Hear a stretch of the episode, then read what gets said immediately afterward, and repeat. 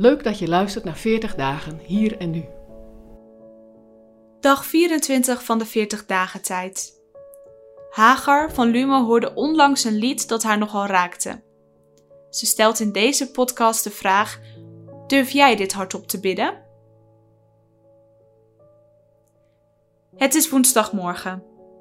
Na weken van thuisonderwijs geniet ik deze morgen van de rust in huis terwijl mijn zoon op school zit. Ik werk wat mail weg met mijn favoriete playlist op de speakers. En dan ineens knalt het lied Hosanna van Hillsong de woonkamer in. Ik zing het half mee en dan besef ik ineens wat ik zing. Break my heart for what breaks yours. Laat mijn hart breken voor wat uw hart breekt. Oef, dat is nogal een uitspraak. Wil ik dat echt? In de weken waarin gul geven centraal staat, moet ik aan dit lied terugdenken. Want gul geven, waaraan? Dit lied geeft daar zo treffend antwoord op. Laat mijn hart breken voor wat uw hart breekt. We hoeven maar naar het leven van Jezus te kijken om te zien waar zijn hart voor breekt. Onrecht, ziekte, verdriet, geweld, pijn. Jezus wendt zich daarvan niet af. Nee, als Jezus optreden op aarde door iets gekenmerkt wordt, is het wel dat Jezus altijd oprechte aandacht heeft voor de ander. Echt kijkt. Hij ziet de ander staan en laat zich daardoor raken.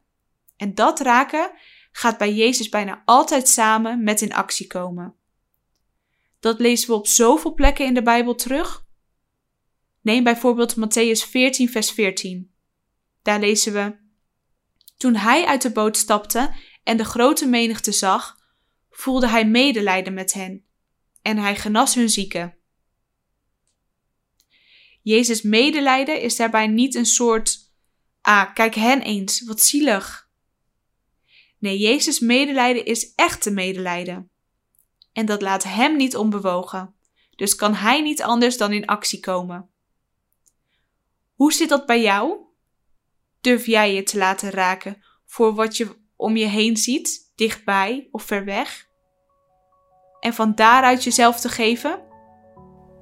Geven is daarbij nooit een doel op zich, maar een manier om Jezus liefde en redding te brengen waar dat ontbreekt.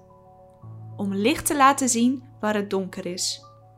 Zoals dat lied waarmee ik begon ook zo mooi bezingt. Break my heart for what breaks yours everything I am for your kingdom's cause.